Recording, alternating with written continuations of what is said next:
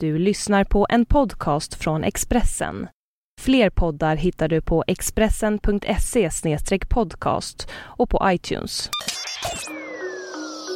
Det här är en inläst version av reportageserien Dagarna som skakade Sverige om den svenska ubåtskrisen. I den mörka höstkvällen hör Per Solin och hans fru plötsligt ett väldigt oväsen ute i skärgården. Morgonen därpå, när grannen Bertil Sturkman vittjat sina gäddnät, får de veta orsaken. Den sovjetiska ubåten U-137 har gått på grund i militärt skyddsområde utanför Karlskrona. Det blir en världsnyhet och början på tio dygns intensiv diplomati. För Sveriges del var kalla kriget aldrig så påtagligt som i oktober 1981.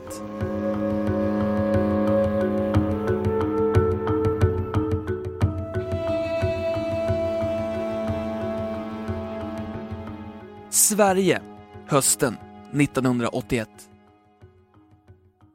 Björn Borg har förlorat första platsen på tennisens världsranking till John McEnroe. Den borgerliga trepartiregeringen har spruckit. Ett av få glädjeämnen den här hösten är att Hylands hörna är tillbaka i tv efter ett nioårigt uppehåll. Det är dystra tider. Kristider. 70-talets lågkonjunktur har ännu inte släppt sitt grepp om ekonomin. Varslen når nya rekordnivåer. Hur ska Sverige ha råd med välfärden? Är det inte dags att skära i försvarsbudgeten? Det är frågor som ställs i debatten. Men det är också tider av oro för atomvapen, för kapprustning, för främmande ubåtar, för ryssen. Efter några år av minskad anspänning med nedutrustningsavtal hårdnar återigen tonläget mellan öst och väst. När Sovjetunionen går in i Afghanistan 1979 ger USA sitt stöd till islamistiska motståndsgrupper. När Moskva arrangerar sommar-OS 1980 bojkottar USA spelen. När Ronald Reagan flyttar in i Vita huset i januari 1981 blir det starten för en ny period av kapprustning. Det kalla kriget är tillbaka. I den tolfte Bond-filmen Ur dödlig synvinkel är de kommunistiska skurkarna ondare än någonsin. Sverige står och balanserar mitt mellan NATO och Warszawapakten, åtminstone officiellt. Militären är en institution som vid den här tiden omfamnar stora delar av den svenska befolkningen. Värnplikten är allmän, den som vägrar riskerar fängelse. Den som äger en hyfsat ny bil har papper som säger att fordonet ska ställas till försvarets förfogande i händelse av krig. Repmånad och skyddsrum är ord som alla känner till. Under 70-talet har det rapporterats om en rad ubåtsincidenter i svenska vatten. Men i september 1980 ökar anspänningen även här. En främmande ubåt viker inte av när svenska marinen konfronterar den vid Huvudskär i Stockholms södra skärgård. Det talas om skymningsläge, ett militärt uttryck som beskriver det hotfulla läget mellan krig och fred. Det berättas om hur Sovjet planerar att slå ut hela det svenska försvaret på några timmar. Att man tänker mörda jaktpiloter och höga makthavare samma morgon som man skickar invasionstrupper. Kanske är det ingen slump att det är just i oktober 1981 som Astrid Lindgren ger ut Ronja Rövardotter. En roman som långt senare ska beskrivas som en studie i det kalla krigets psykologi och logik. Torumskär, 27 oktober 1981.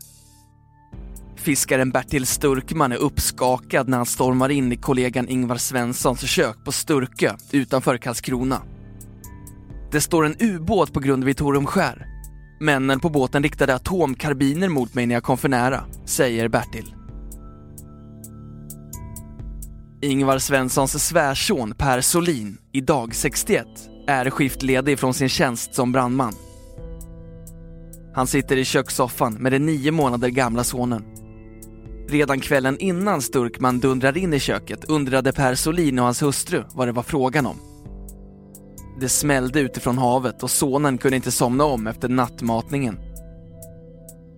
Bertil Sturkman är inte den som brukar hetsa upp sig. Nu talar han andfådd om att en ubåt gått på grund utanför Malkvarn och att soldaterna ombord riktat vapen mot honom. Han kände inte igen fartygsflaggan, men svensk var den inte. Det var han helt säker på. Sturkman är märkbart tagen och går efter en stund hem till sig. Han överlåter åt Ingvar Svensson att agera. Efter en stunds överläggning med svärsonen ringer han marinbasen i Karlskrona. Någon timme senare ringer även Per Solin ett samtal. Till tusentipset, Kvällspostens tipstelefon. Sista upplagan av tidningen är på väg att gå i tryck, men morgonreporten Sven-Olof Gunnarsson ropar till sina kollegor att han har en jättegrej på gång. Och alla hjälps åt för att förbereda en ny sista upplaga. När Kvällsposten kommer till butikerna strax efter lunch lyder rubriken på första sidan PS. Sovjetisk ubåt på grund i skärgård. Per Solin lämnar sonen och svärfar och lånar hans motorbåt. Han förstår att historia skrivs i Karlskronas skärgård den här dagen och vill se det med egna ögon. Klockan är runt 11 på förmiddagen när han får syn på U-137. Han kommer fram samtidigt som marinens båt Smyge. På avstånd ser Per Solin en ensam man kliva ombord på ubåten. Karl Andersson, nyss fyllda 50 år och stabschef, tänker att det inte kan vara möjligt. Han har just tagit emot ett samtal från fiskaren Ingvar Svensson som påstått att en främmande ubåt gått på grund ute i skärgården. Karl Andersson ringer och kollar var alla svenska ubåtar befinner sig, men ingen av dem är i Gåsefjärden. Han undrar om ÖB möjligen kan ha placerat ut en skrotad ubåt och släpat in den på grund för att testa marinen, som en övning. Karl Andersson har tydliga instruktioner för hur han och kollegorna ska agera om en ubåt kommer i övervattensläge eller undervattensläge nära svenskt militärt skyddsområde. Men i reglementet står ingenting om hur de ska göra med en grundstött ubåt. Att någon jäkel ska gå på grund i Karlskrona skärgård ingår inte i den vildaste fantasin, säger Karl Andersson när han, ytterst motvilligt, 32 år efteråt, berättar för Expressen om händelsen. Han är tämligen övertygad om att Ingvar Svensson har fel. Samtidigt gnager en osäkerhetskänsla inom honom och Karl Andersson bestämmer sig till slut för att åka ut och titta. Han tar vedettbåten Smyge och sex man och sätter kurs mot platsen för den påstådda grundstötningen. Karl Andersson, som började i flottan 1947, har i halva sitt yrkesliv övat i vattnet kring Blekinge. En sak kan han utan vidare slå fast. Gåsefjärden är inga ubåtsvatten. Inte ens vi som kunde vattnet utan och innan skulle ta in en svensk ubåt där, säger han. Men efter en knapp timma till sjöss ser han den. Det är lite dimmigt, men ungefär 100 meter ifrån ser jag att den har en sovjetisk flagga. Vi skämtar mycket i militären, men inte med andra länders flaggor. Jag förstod att det inte var något test från ÖBs sida, utan ett högst verkligt scenario. Karl Andersson skickar via radio en första rapport till sin chef, kommendör Lennart Forsman, på Örlogsbasen.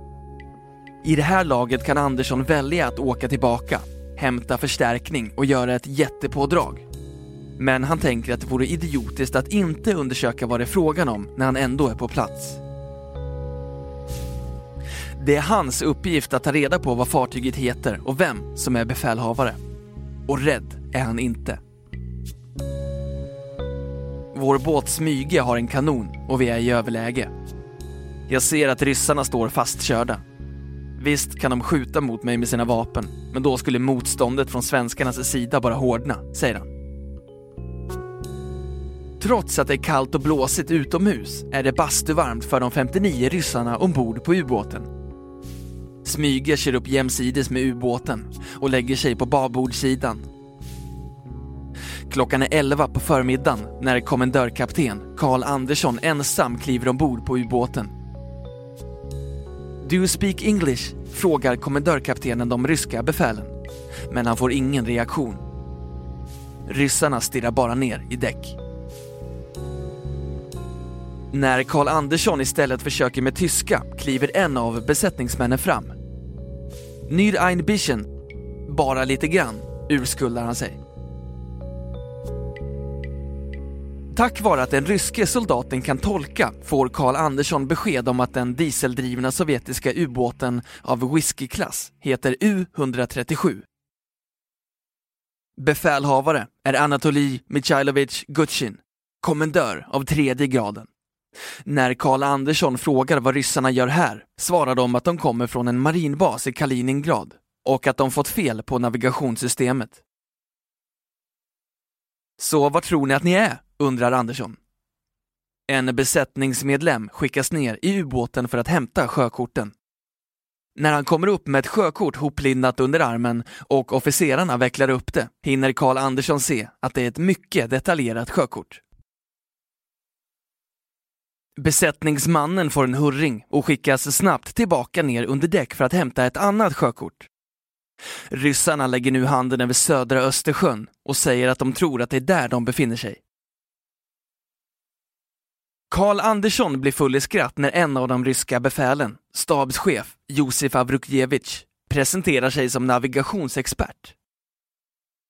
Ombord finns också Vasilij Besedin, kaptenlöjtnant, fartygschefens ställföreträdare och politisk officer.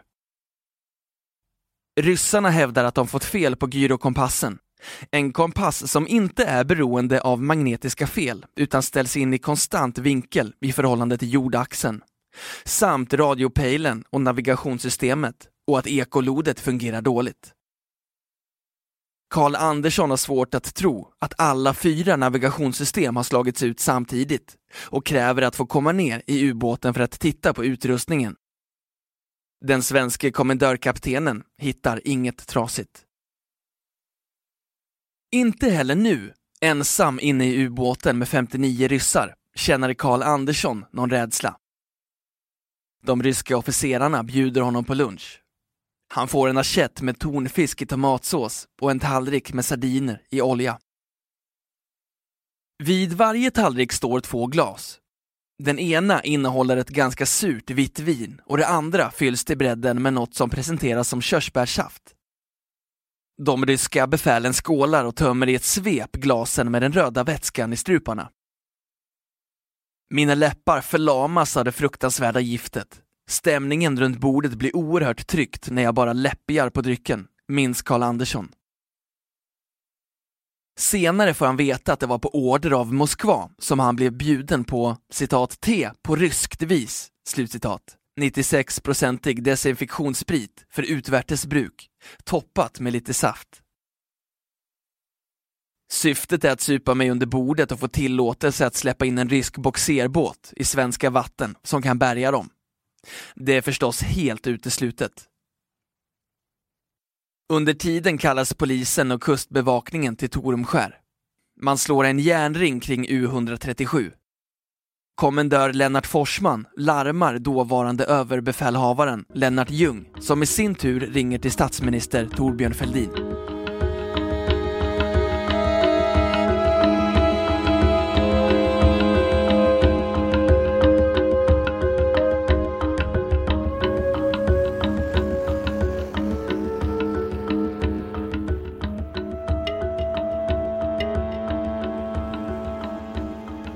Utrikesminister och vice statsminister Ola Ullsten sitter i sitt tjänsterum på UD när kabinettssekreterare Leif Leifland kommer in och berättar att försvarsledningen har ringt. Ullsten inser att det är en känslig fråga att hantera. UD skickar iväg en kort protest till Sovjetunionen och kallar upp ambassadör Mikhail Jakovlev till ett möte. Jakovlev är en konservativ, gammal person och han visar inga känslor. Han är korrekt och har en medarbetare med sig som tolkar, minns Ola Ullsten. Jakovlev begär att sovjetiska örlogsfartyg ska få gå in i skyddsområdet och bärga ubåten. Ullsten avfärdar genast ryssarnas krav. Ett sovjetiskt fartyg som befinner sig i svenskt militärt skyddsområde är redan ett för mycket. Från Sveriges sida är U137 från början uteslutande en diplomatisk fråga. Någon militär aktion är inte aktuell. Vi bestämmer oss för två saker, säger Ola Ullsten. Att hålla oss till folkrätten och inte ställa andra krav på ryssarna än de de kan ge svar på. Framförallt är vi intresserade av att det inte ska dra ut på tiden. Det sistnämnda visar sig vara svårare att leva upp till än vad Ullsten och hans regeringskollegor hade trott. Varje gång svenskarna ställer en fråga till de sovjetiska diplomaterna tar det på grund av den tungrodda byråkratin två dygn att få svar.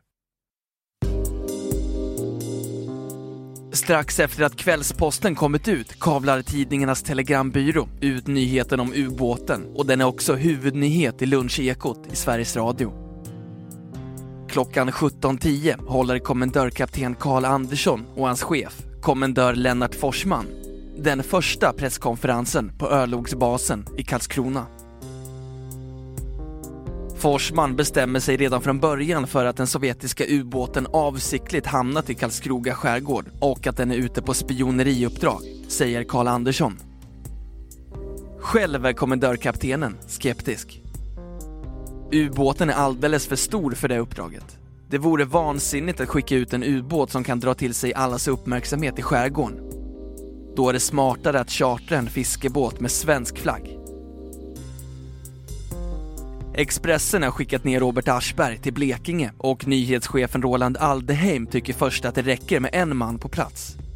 Men reporten Leif Brännström står på sig. Han tar sig ner till Karlskrona i tidningens eget flygplan och hyr en fiskebåt för att försöka ta sig till Torumskär. Nästa dag domineras tidningen av rapporterna om U137. Här står alltså denna ubåt i fullt dagsljus inför allas ögon. För en gångs skull omöjlig att förneka. Den står där som en synlig bekräftelse på att diverse händelser i det svenska kustbandet under senare år har just det obehagliga samband som det finns skäl att befara. Lyder analysen på ledarsidan.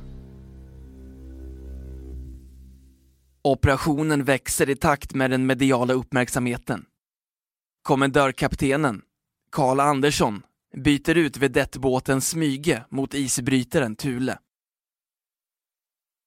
Det svenska försvaret tillgodoser den ryska besättningens förfrågningar om dricksvatten och tobak. Man tillåter också U137 att ta kontakt med basen i Kaliningrad via en radiokanal på kortvågsbandet. Vi ger ubåten en viss frekvens och instruerar telegrafisterna att bara sända på klartext på ryska. Givetvis avlyssnar vi radiokontakten. När de några gånger försöker gå över till kod går vi in med störsändare, minns Karl Andersson. Dramatiken ökar när försvarsledningen strax därefter märker att Sovjetunionen verkar ignorera utrikesminister Ola Ullstens nej till att bogsera U137. Ett sovjetiskt ubåtsbärgningsfartyg, eskorterat av två robotbestyckade jagare och tio mindre örlogsfartyg, sätter kurs mot Karlskrona. Värnpliktigas permissioner dras in. Jägarförband flygs till Karlskrona och placeras ut på ön Hästholmen och bevakningen av de svenska territorievattnen skärps. Patrullbåtar får förstärkning av en division torpedbåtar från Stockholm för att övervaka det som av politikerna betecknas som den allvarligaste kränkningen sedan andra världskriget. Svenskarna kräver att få förhöra ubåtens kapten, vilket Sovjetunionen motsätter sig. På morgonen den 29 oktober ordnar försvaret en pressbåt så att journalister från hela världen med egna ögon ska få se den grundstötta ubåten. Ett svenskt Viggenplan passerar förbi på några hundra meters höjd och gör därefter en förbiflygning, bara på 25 meters höjd. Det kött och luktade fotogen. Det var flygvapnet som ville vara med på ett hörn och visa sin styrka, minns kommendörkapten Karl Andersson. Ett av de ryska befälen i tornet på ubåten tappar tålamodet och börjar signalera att pressbåten inte är önskvärd.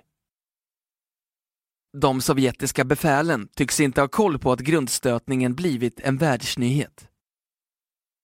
De försöker förhandla och säger om vi håller käften om vad som hänt så är ni också tysta. Jag skrattar och säger att jag aldrig skulle kunna ha råd att betala så mycket pengar att jag skulle kunna tysta Viggen-piloten och alla journalisterna, säger Karl Andersson. I Sovjetunionen tystas däremot händelsen ner. Så länge U-137 är i svenska farvatten nämns ingenting om hennes öde i sovjetiska medier. Vid lunchtid upptäcks en sovjetisk bärgningsbåt vid ögruppen Utklippan i Karlskrona kommun. Bara någon timme tidigare har en annan ubåt i svenska farvatten jagats bort av den svenska marinen. Den svenska ubåten Neptun skickar ut prejningssignaler och försöker köra i vägen för bärgningsbåten. Men bärgningsbåten är snabbare och fortsätter in mot Gåsefjärden, där U-137 ligger.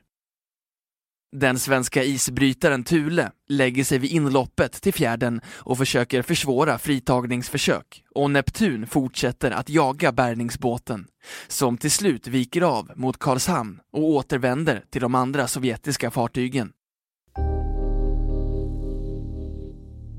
Den svenska militären förbereder sig samtidigt för att U-137 ska kunna tas in till hamnen i Karlskrona.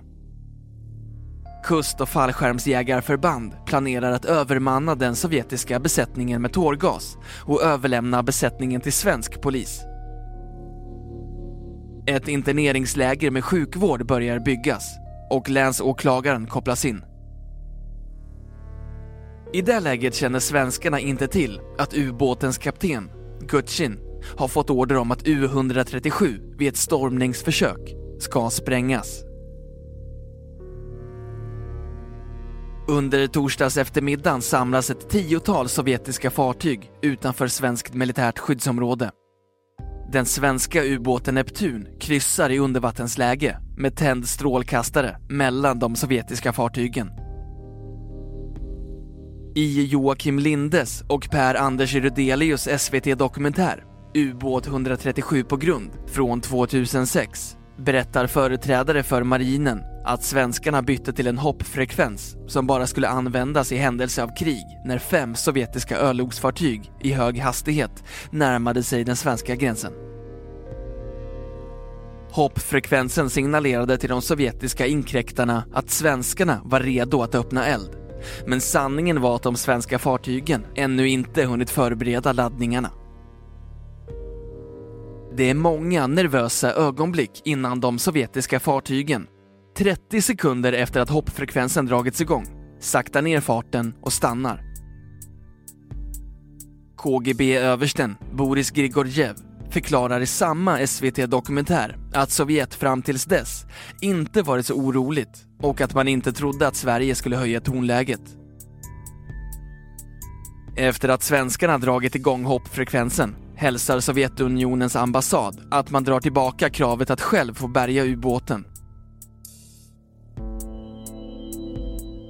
Två experter från Försvarets forskningsanstalt, FOA, Lars-Erik De Geer och Lars Bäckman, flyger ner till Karlskrona för att göra en rutinkontroll.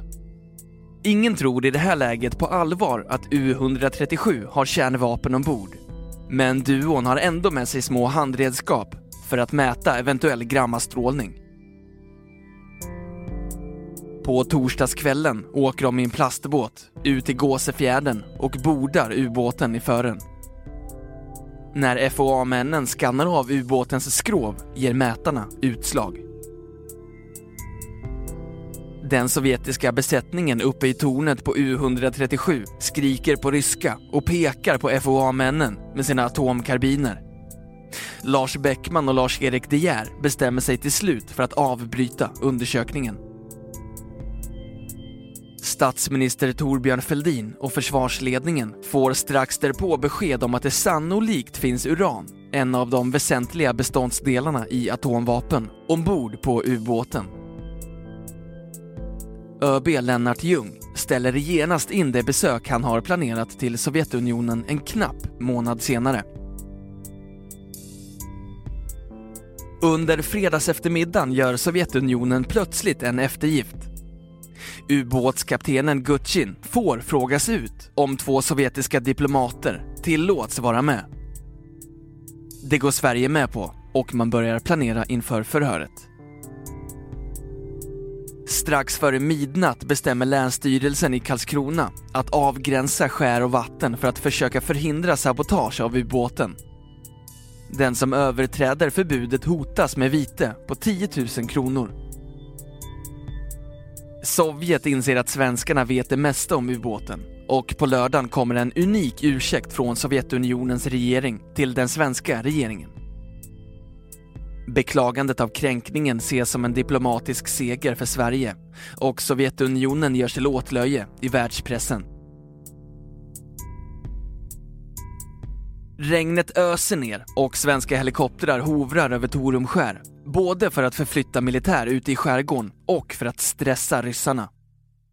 Svenska jägarsoldater övar flitigt på de intilliggande strandremsorna och visar sig regelbundet för besättningen.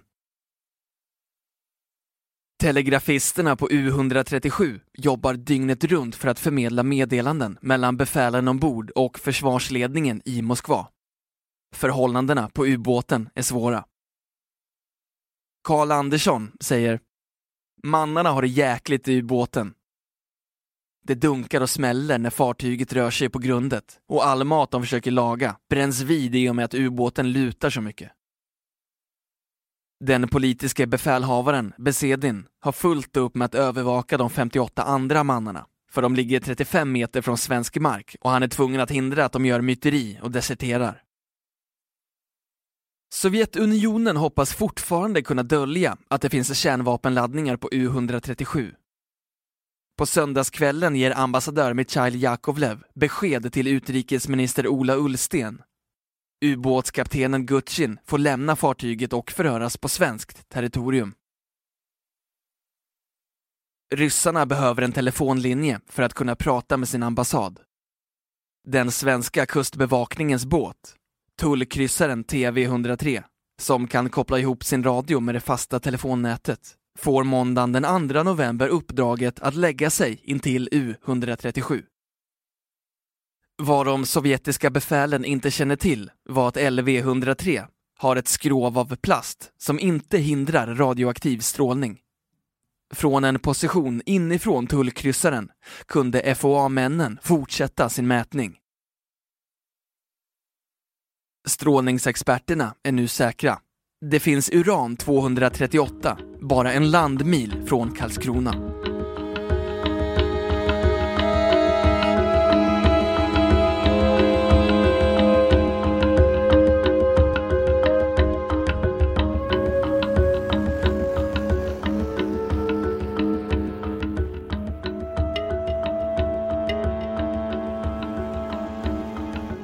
Klockan 13.30 påbörjar kommendörkaptenen Karl Andersson och Emil Svensson ett sex timmar långt förhör med U137s kapten Gutjin ombord på den svenska torpedbåten Västervik.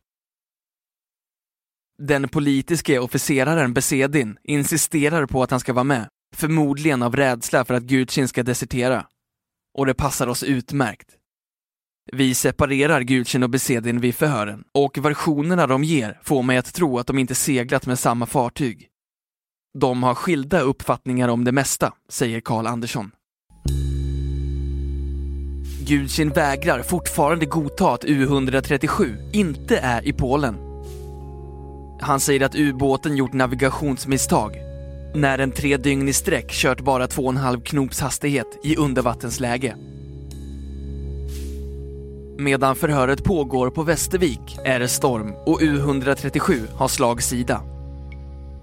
Ubåten skjuter upp nödraketer och besättningen hävdar att fartyget håller på att slås sönder i den hårda sjön. rinner syran ur ubåtsbatterierna riskerar den att omvandlas till klorgas, menar ryssarna. Överbefälhavaren Lennart Ljung ger klartecken om att dra loss U137 från grundet. Men nödsituationen är ett trick, menar kommendörkapten Karl Andersson. Svenskarna blir grundlurade för att hjälpa till att boxera loss ubåten. Efteråt frågar ÖB regeringen vilka åtgärder som får vidtas för att hindra att U137 försöker rymma. Regeringen svarar citat, alla medel är tills vidare tillåtna. Slutcitat. Torsdagen den 5 november meddelar statsminister Torbjörn Fälldin på en radiosänd presskonferens att det med stor sannolikhet finns en eller flera kärnladdningar ombord på U137 och att det med ännu större sannolikhet finns uran-238.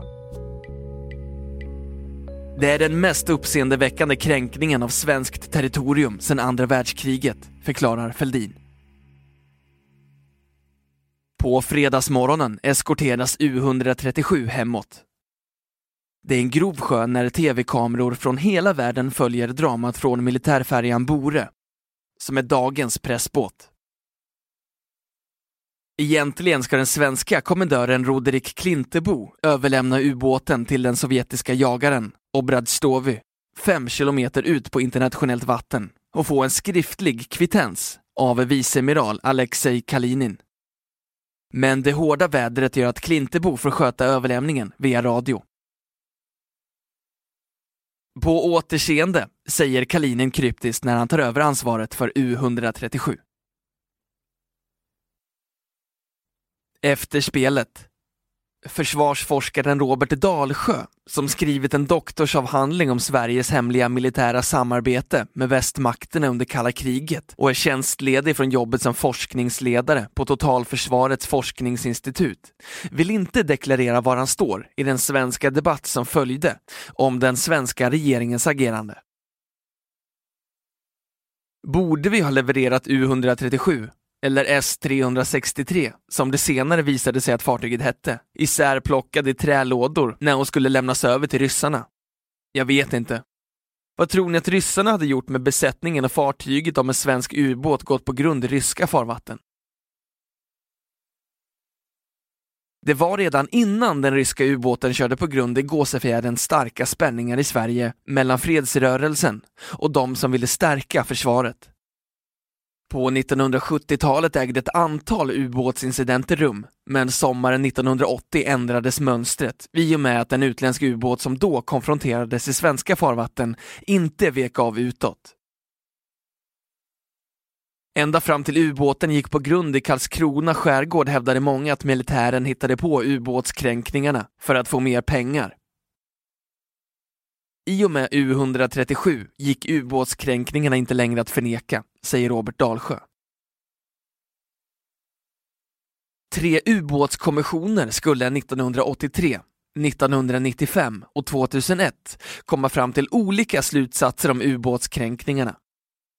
Ubåtsfrågan har nästan blivit som Palmemordet. Det finns en rad olika konspirationsteorier om att det exempelvis var amerikanerna som låg bakom kränkningarna. Det rimliga är att Sovjetunionen, som genom Warszawapakten hade 50 ubåtar som opererade i Östersjön, stod för huvuddelen av kränkningarna, menar Dalsjö. Han vill inte säga om regeringen agerade rätt eller fel under krisen i Gåsefjärden. Jag kan bara konstatera att regeringen valde ett mellanläge. Man behöll ubåten, förhörde besättningen och lät dem sen gå. Ryssarna förödmjukades när de visades upp för tv-kamerorna och det signalerade vem som var herre och husse. När U137 gick på grund var Carl Bildt riksdagsledamot och han tyckte att krisen borde ha skötts bättre. Att Sverige i princip bara gjorde honör för ryssarna och skickade hem deras ubåt. Bildt var förvisso redan statssekreterare i regeringens samordningskanslier, men som ledamot i den statliga ubåtsskyddskommissionen tog karriären ytterligare fart. När försvarshögkvarteret i början av 1990-talet meddelade att några av ljuden från de misstänkta ubåtskränkningarna kunde härröra från djur, sannolikt minkar eller uttrar, häcklades Carl Bildt av sina politiska motståndare. Bildt fick också kritik för att han i ett brev till Rysslands dåvarande president, Boris Jeltsin, 1994 ställt frågor om fortsatta ubåtskränkningar. Sanningen är att Sverige under hela 1980-talet och in på 90-talets första år utsattes för upprepade och ihållande undervattensoperationer som riktades mot Sveriges försvars centrala områden, vidhöll Carl Bildt på sin hemsida. Dåvarande utrikesministern Ola Ullsten, som 32 år efter dramatiken i Gåsefjärden i höst släpper sina memoarer, ångrar inget. Han är påtagligt nöjd när han blickar tillbaka. Under tio dygn riktades omvärldens blickar mot Sverige, som utmanade en supermakt på det här sättet. Men vi drev vår linje, höll på folkrätten och fick som vi ville.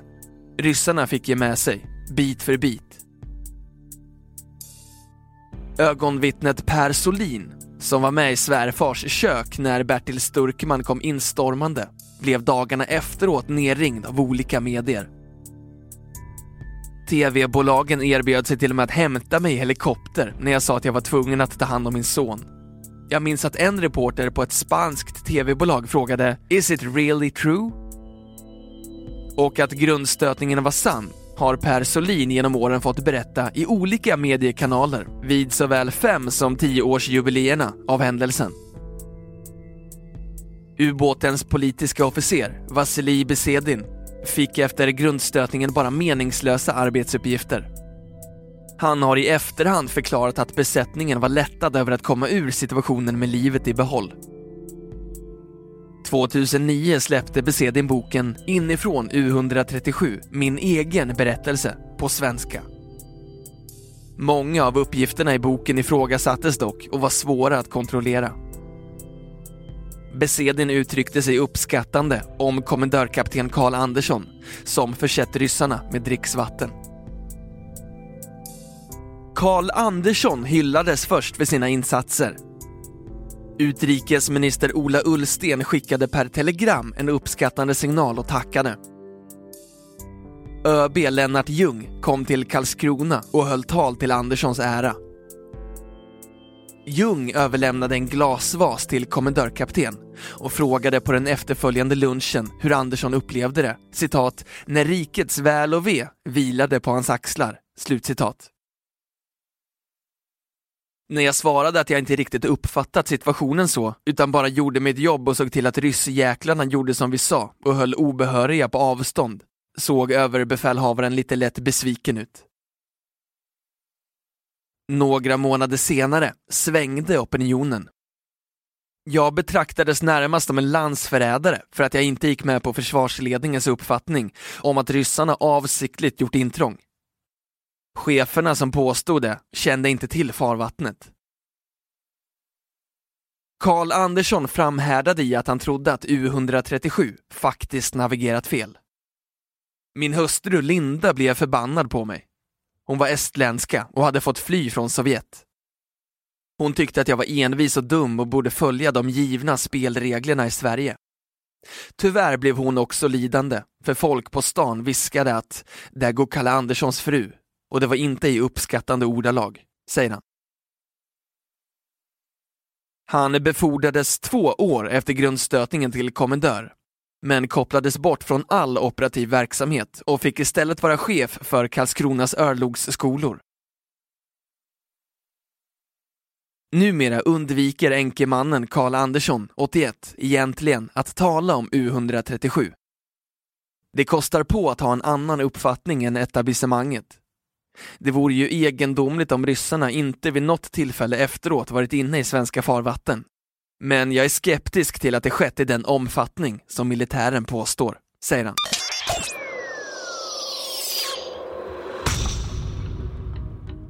Du har lyssnat på en podcast från Expressen. Ansvarig utgivare är Thomas Mattsson. Fler poddar finns på Expressen.se och på iTunes.